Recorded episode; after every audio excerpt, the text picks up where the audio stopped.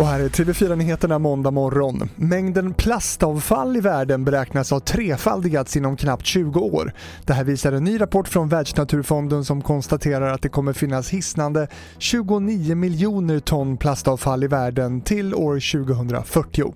Rapporten visar att det kostar tio gånger mer under plastens livscykel att ta hand om den Eh, miljömässigt, ekonomiskt och eh, samhällsmässigt än vad det kostar att producera den.